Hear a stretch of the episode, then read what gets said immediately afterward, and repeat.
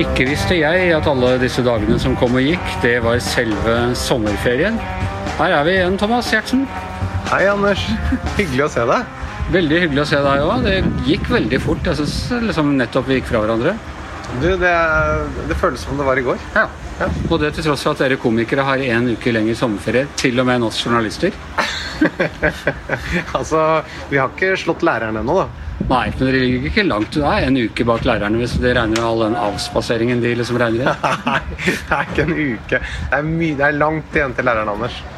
Ok, men i hvert fall, vi har uh, gode nyheter. Nå, altså, Som trofaste lyttere vil huske, så var vi på vei til Bent Høie den fatale torsdagen i mars da hele landet ble stengt ned. Da prioriterte han litt annerledes. Det er jeg veldig glad for at han gjorde. Ja. Han fant ut at han heller ville stenge landet enn å snakke med Thomas Anders. Jeg, jeg, jeg var også litt uh, bekymret uh, på den tiden for at han hadde så lav puls. Han, han virker så innmari stabil. Uh, og på det tidspunktet så følte jeg at nå var det på tide med litt høyere puls. Men samtidig, jeg er litt uh, usikker. Altså, det gikk jo bra, så det at han beholdt roen, kanskje var det en uh, styrke. Selv om mine Jeg ble stressa av at han ikke var stressa. Ja. Men i hvert fall, eh, nå har vi endelig fått eh, nå, I dag skal vi treffe ham. Alt er klappet og klart, og her stiller du utenfor Helse- og sosialdepartementet i shorts. Nei, skal du mase om shortsen, altså? Altså, Bent Høie han, han, tror ikke på skam. Så dette er, eh, og jeg har, jeg har nysmurte legger. Dette tror jeg går helt fint.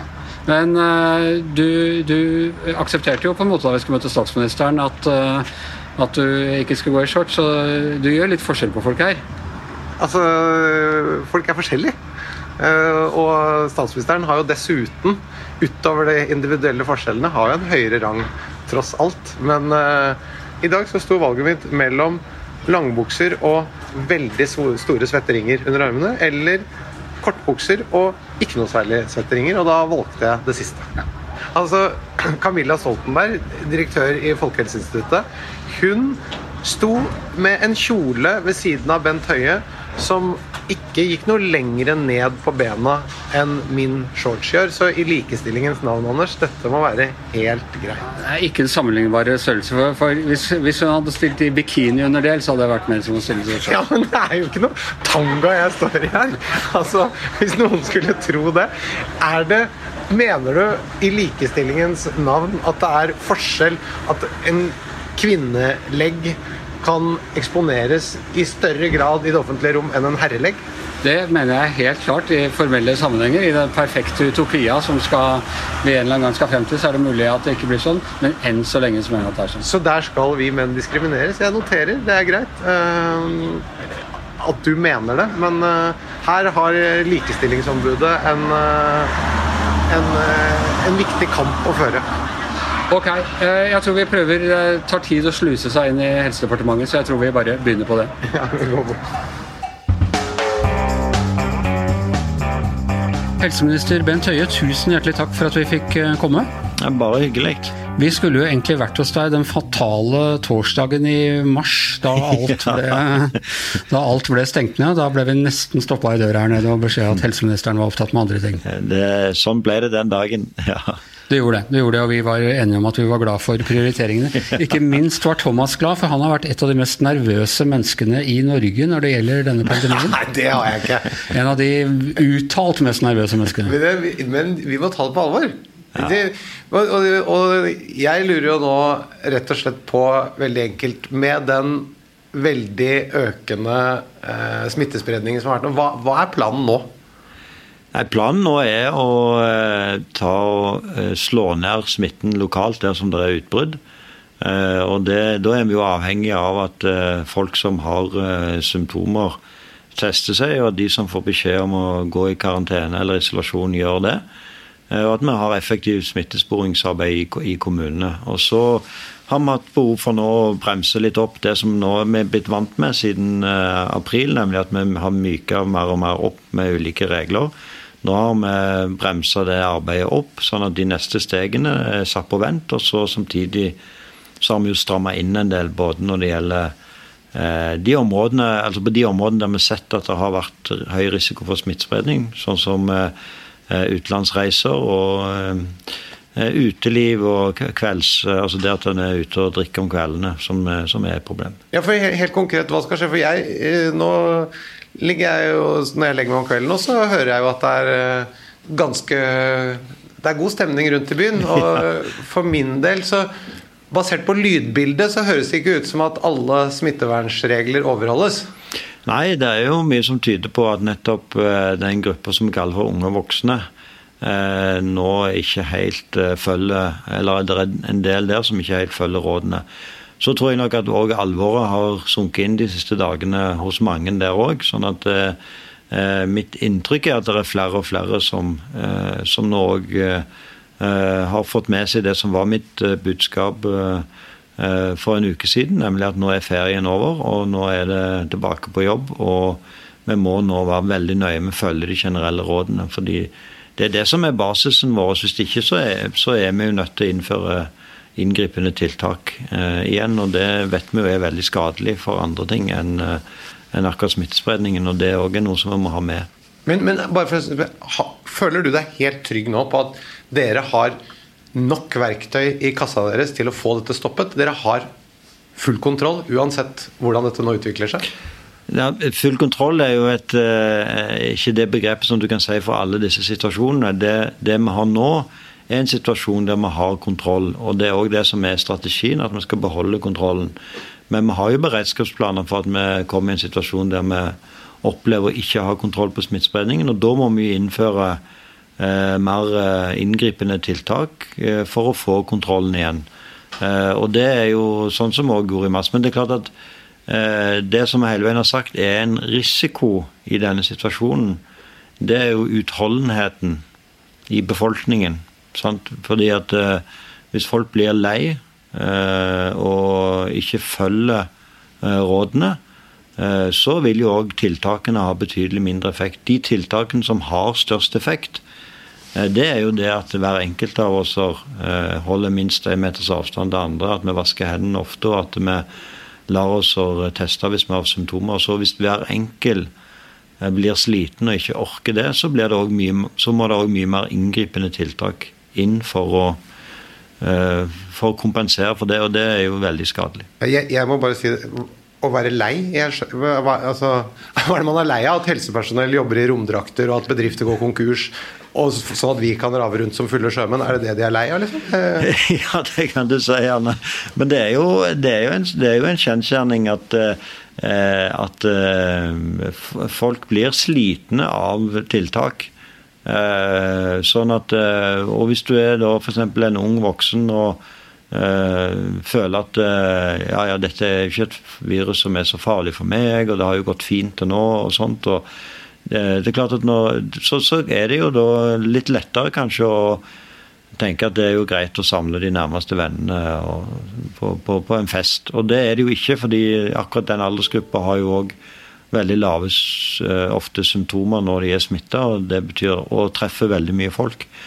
Så, så, så, det er klart at i mars så var vi i en situasjon der vi stengte ned veldig mye, og det gjorde jo at det var veldig få som traff hverandre. Samtidig som eh, alle fikk inn daglige rapporter fra land eh, og helsetjenester som var i ferd med å bryte sammen, sånn som f.eks. Italia. Da ble det jo en veldig alvor i befolkningen. Uh, og det er jo sånt med mennesker at det er jo lett å glemme det og, og, og, høre de tingene vi vil høre, og la være å høre de tingene vi ikke liker helt å høre. Men du er jo Høyremann, og et av de store kredoene til Høyre så lenge jeg har vært med, er frihet under ansvar. Ja. Og du har appellert til det, og kjørt, og vi skal ikke kjøre skam på hverandre, og, og, vi må ta hensyn. Men samtidig, er dette en situasjon hvor du føler at det kredo blir litt utfordra, og du kunne ønske at du kunne være litt mer sånn gammeldags, brutal sosialdemokrat? ja, altså det er jo, eh, dette er jo, eh, Frihet og ansvar er jo en del av min ryggmarg. Eh, men det er jo òg sånn at dette er ikke bare en del av min ryggmarg. og, og sånt, Dette er jo òg det som er eh, på en måte hovedinngangen i eh, når vi tenker helse, og spesielt i forbindelse med smittsomme sykdommer. Folkehelseinstituttet er jo òg veldig tydelig på at liksom, hovedlinja bør være råd og anbefalinger Og at det å på en måte bruke jernhansken, den, den, den, bør ligge høyt oppe i hierarkiet når det gjelder tiltak.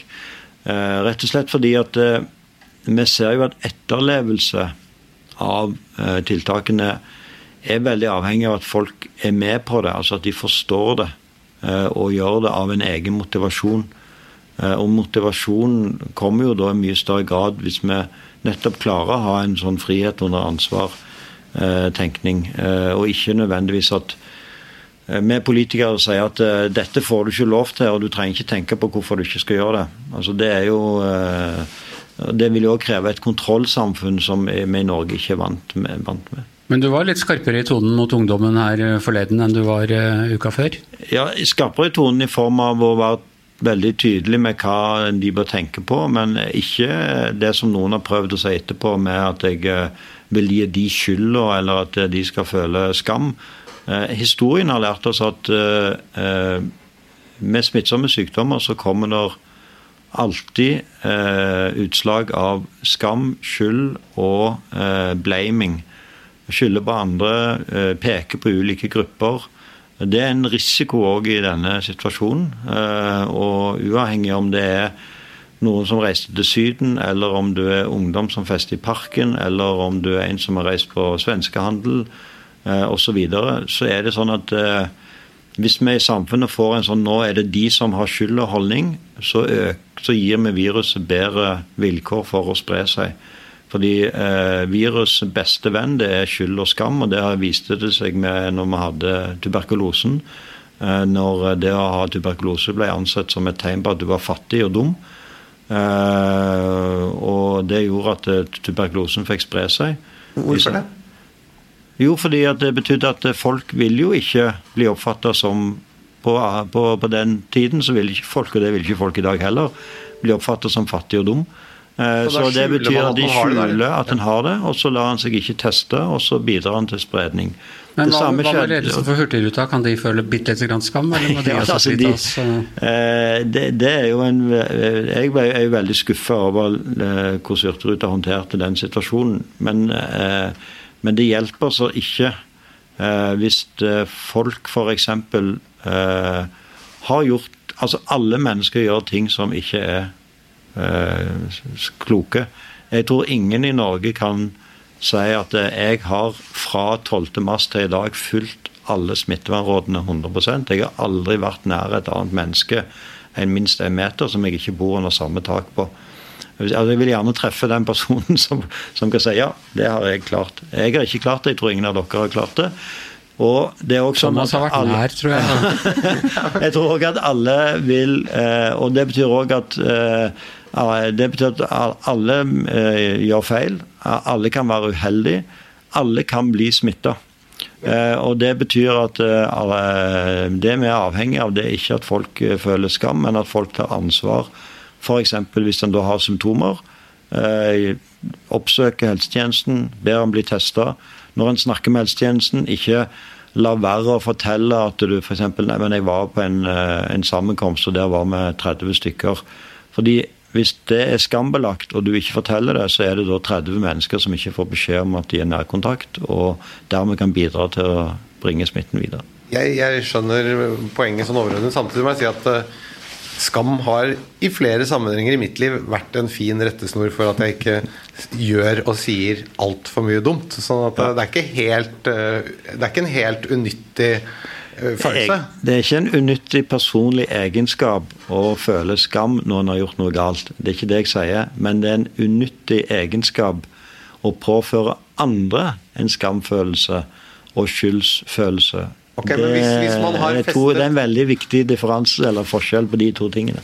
Ok, Men hvis man da har enten reist til utlandet hvor man vet at det er mer smitte, eller man fester tre, fire, fem dager på rad, og du hver dag på formiddagen får beskjed om at dette ikke er bra, og så gjør du det igjen på kvelden.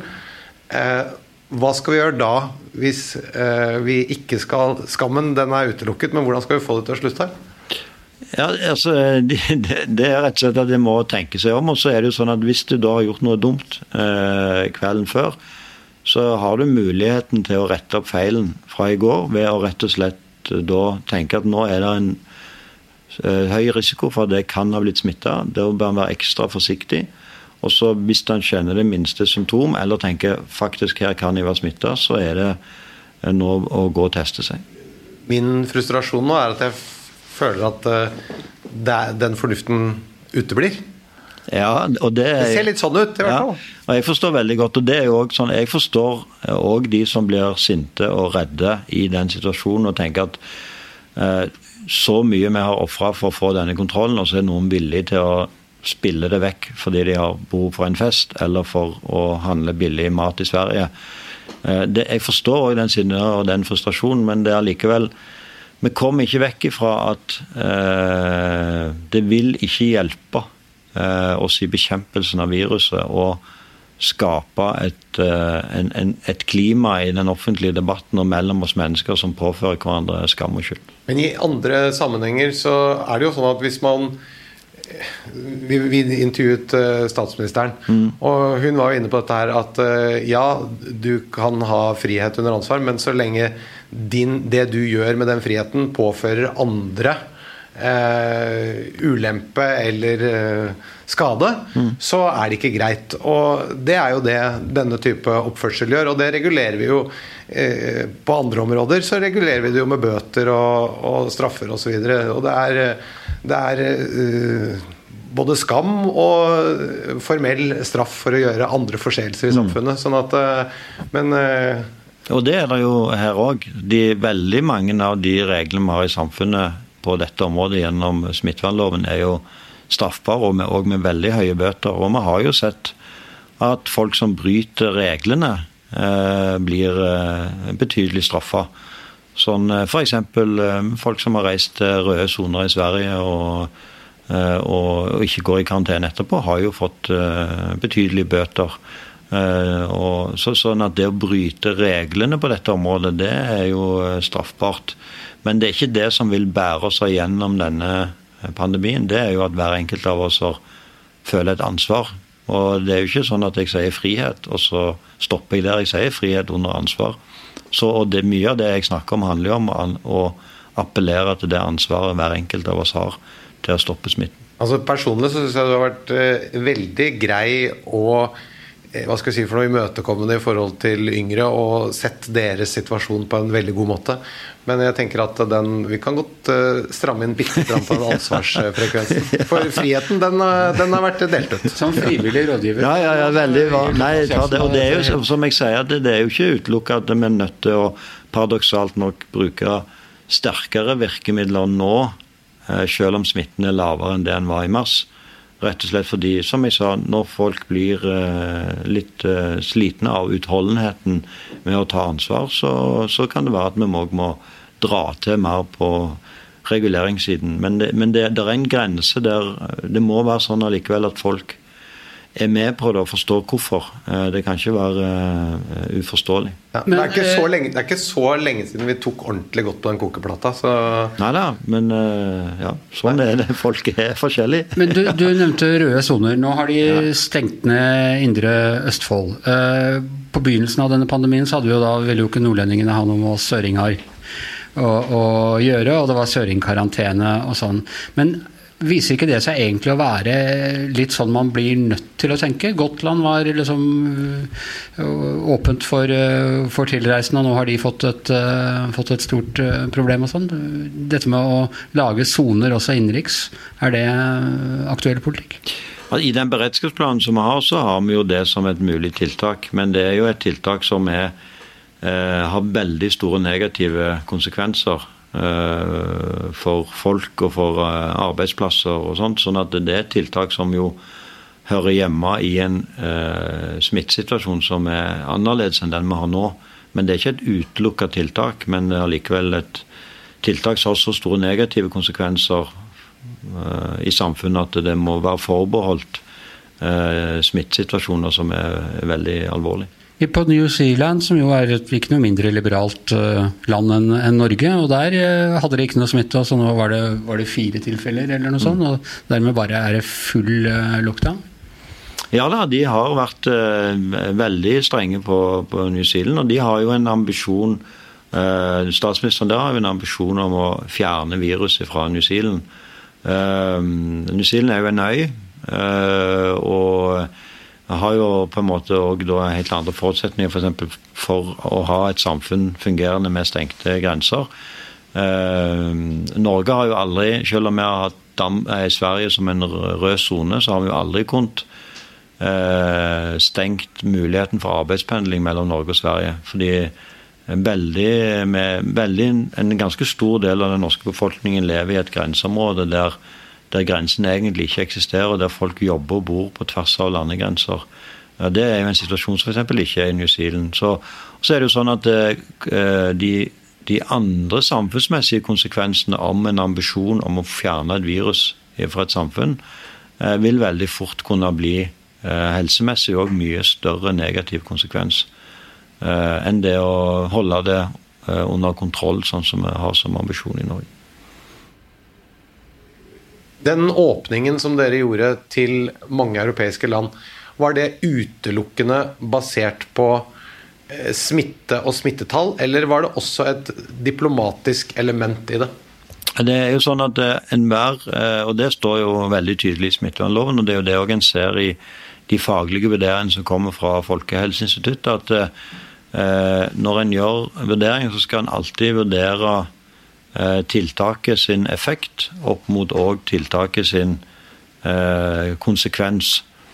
Og Det betyr at det å ha, det å ha f.eks. stengte landegrenser, det er et tiltak som, som jo har effekt på smitteimport, men det har òg ekstremt mye negative konsekvenser. og Derfor er jo den faglige vurderingen at det smitter smittesituasjonen i de landene som en eventuelt har restriksjoner mot, opp mot smittesituasjonen i eget land.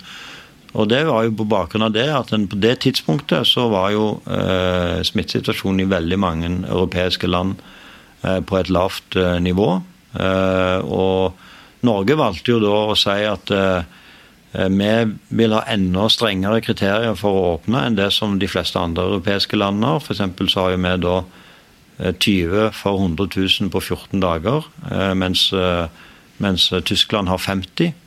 Så, så, det er bare Norge og Finland som har så strenge kriterier. Og vi venter òg litt lengre enn de andre, en del de fleste andre europeiske land for å åpne opp. Men når vi gjorde det, så sa vi at dette øker, dette øker risikoen for import av smitte. Og vi sa jo òg at det tryggeste hvis du bor i Norge, er å planlegge ferien i Norge. Men det, var, det ville vært Eh, på det tidspunktet sånn at det å beholdt stengte landegrenser da eh, ville hatt veldig store negative konsekvenser og ikke vært forholdsmessig som tiltak. eksempelvis, eksempelvis eh, hvilke negative konsekvenser da? For eksempel så vil jo da mange av de som ble arbeidsledige i mars og april, og som da og ble permittert, og som nå er tilbake igjen i arbeid, mange av de vil ikke ha vært tilbake i arbeid. Og vi vet jo hva helsemessige konsekvenser det har over tid. Eh, og hva, hvor store negative konsekvenser det er. Dessuten så er det mange som, eh, som lever sine liv eh, veldig F.eks. så er veldig mange som bor i Norge, har veldig nær familie i disse landene. Som de da ikke hadde sett på mange måneder. Du kan være i en situasjon der du har en eldre foreldre som bor i et av disse landene, som du vet har begrensa levetid, som du da ikke har fått besøkt.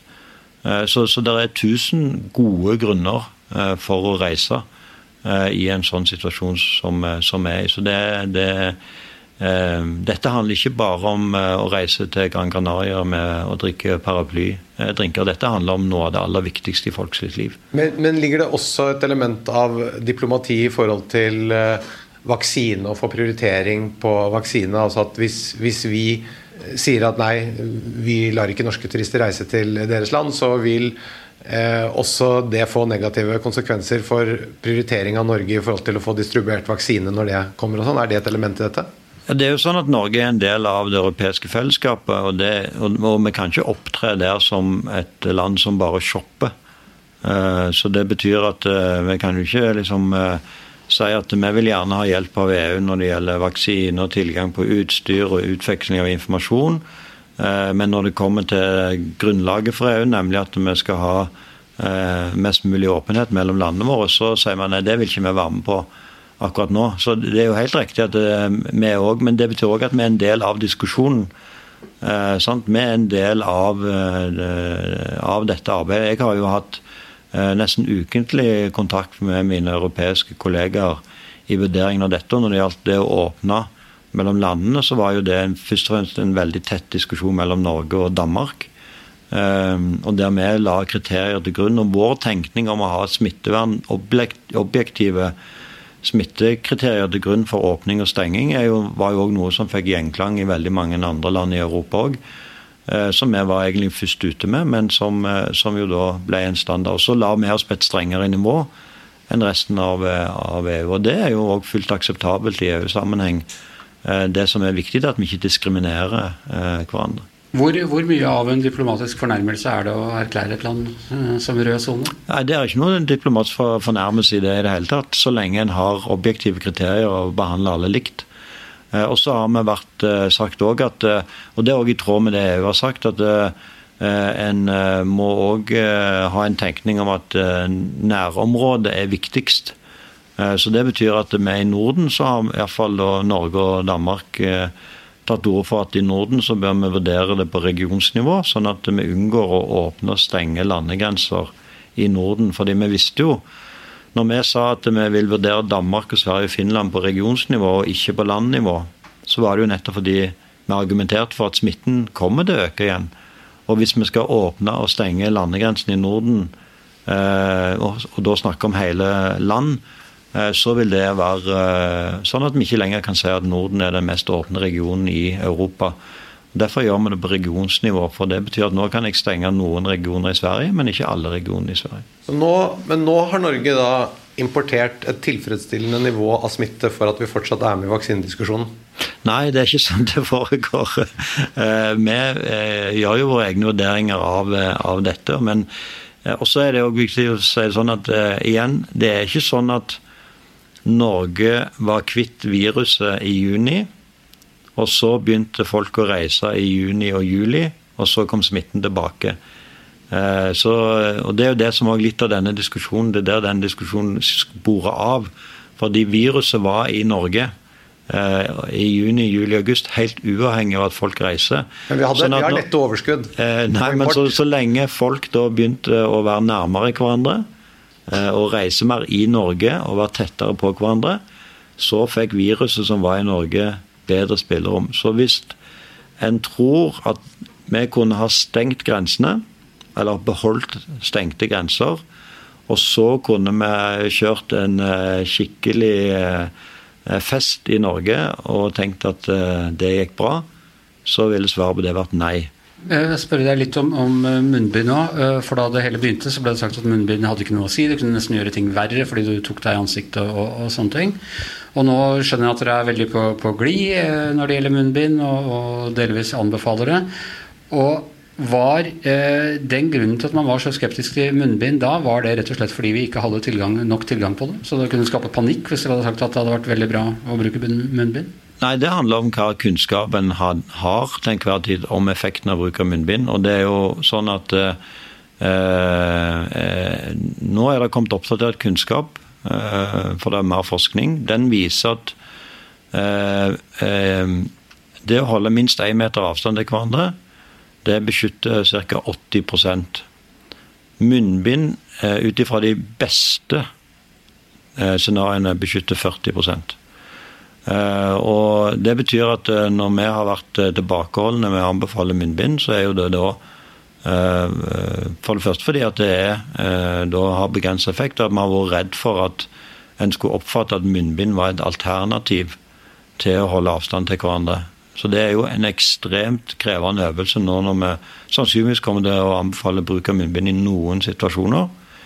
At ikke det blir oppfatta som om munnbind er like godt som å holde minst én meter avstand til hverandre. For hvis, hvis, folk begynner å bruke munnbind, og så slappe av på meteren fordi de har på seg munnbind, da reduseres eh, beskyttelsen.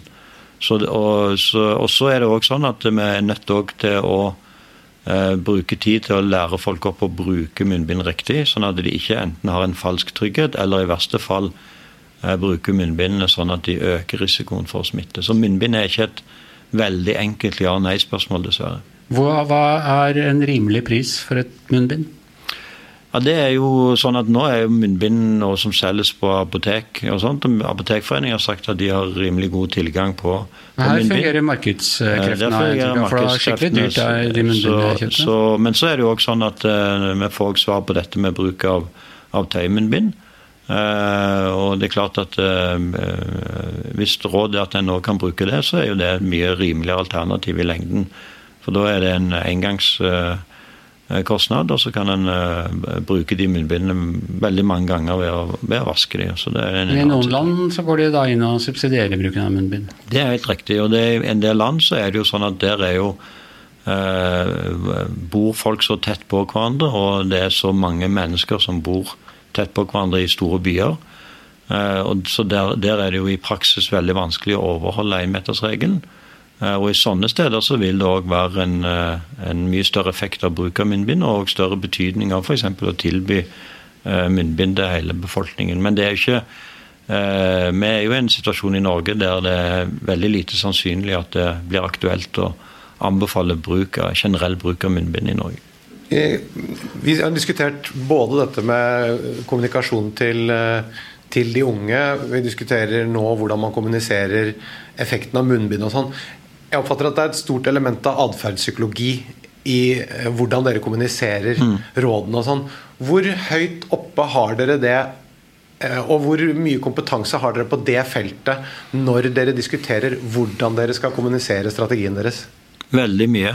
Fordi det er helt avgjørende for eh, effekten av eh, tiltakene. Og det å gjøre eh, feil når det gjelder kommunikasjon, kan ha ganske store negative konsekvenser. Enten etter, når det gjelder etterlevelse av tiltak, tillit til tiltakene, men ikke minst òg risiko for at folk hører feil, eller ikke får altså, at det blir oppfatta feil, og dermed at folk gjør feil ting. En ting som jeg synes fremstår som rart, er nettopp den oppfattelsen at unge mennesker oppfatter at dette ikke har noe med dem å gjøre. Da tenker jeg da må det være noe i kommunikasjonen som mangler. fordi at eh, Dels fordi det eh, viruset kan eh, skade dem, som vi jo vet, men også fordi at hvis et helsevesen er overbelastet, så kommer du ikke inn med andre sykdommer, som jo de har som alle andre. Pluss også deres fremtid. Jeg tenker at det er så mange elementer som gjør at dette rammer dem. Og da er det en misforståelse der ute at det ikke rammer dem. Ja, men det har òg med at eh, når du er i 20-årene, eh, så har du en annen eh, risikovillighet enn når du er i 40-årene. Sånn er faktisk hjernen vår. Jeg vet det, det er en hjernelapp som ikke lukker helt. Den er gjort sånn, sånn fordi eh, evolusjonen har skapt oss sånn at vi skal eh, ta litt høy risiko i ungdomsårene for å, for å lære og eksponere oss for risiko. Så det er, det er faktisk eh, en del av menneskets utvikling. Så det er noe som vi må ta høyde for når vi kommuniserer med, med ungdom eh, på dette området. Helt siste spørsmål. Hva skulle du ønske at du visste i mars, som du vet nå? Jeg skulle ønske at jeg visste alt som jeg vet nå i mars. Men hvis du skulle rangere Eh, nei, så det er jo eh, Det som jo eh, Jeg hadde jo selvfølgelig hatt stor glede av å vite i mars, det var jo at de tiltakene som vi da lanserte, faktisk kom til å virke. Eh, for det var jo, det var jo min, min aller største bekymring eh, 12. mars. Eh, det var jo at eh, eh, jeg så hvor dramatisk negative konsekvenser de tiltakene ville ha for veldig mange mennesker, og spesielt sårbare barn og unge. Og så visste jeg jo ikke da at de kom til å virke. Eh, Sånn at, eh, og det var jo det som var min store bekymring eh, i de dagene. At vi kunne risikere at vi nå gjorde dette, og så fortsatte smittetallene å øke, og at vi ikke fikk en dupp. Og så måtte vi liksom komme med enda strengere tiltak, og fortsatt ikke vite om de kommer til å virke. Men bare for å ta ut fra vår situasjon, da, for å lese av på noe veldig nært, så vil jeg si at eh, den 12. mars så måtte du avlyse intervjuet med oss. I dag så sitter vi her og prater med deg, og det håper og tror jeg er et godt tegn. Så tusen takk for at vi fikk komme. Ja, og det er jo viktig for meg å si at uh, det er veldig mye som er annerledes nå enn i mars. Uh, så selv om vi får f.eks. begynnelsen på en bølge to eh, nå, eh, så er vi i en helt annen situasjon enn i mars. Men det trenger vi ikke å snakke så mye om nå. Må folk forstå at vi er på vei mot mars hvis ikke vi snakker. Dette er det med dette kan du snakke med atferdspsykologen om. Nå må vi gå. Tusen takk skal du ha. Tusen takk. Og med det er Giæver og Gjertsen eh, over for eh, denne uka. Takk til Thomas Gjertsen, takk til eh, Bent Høie. Jeg heter Anders Giæver, og vår produsent på betryggende sosial avstand borte i VG-bygget heter Magne Antonsen. Vi høres igjen neste uke.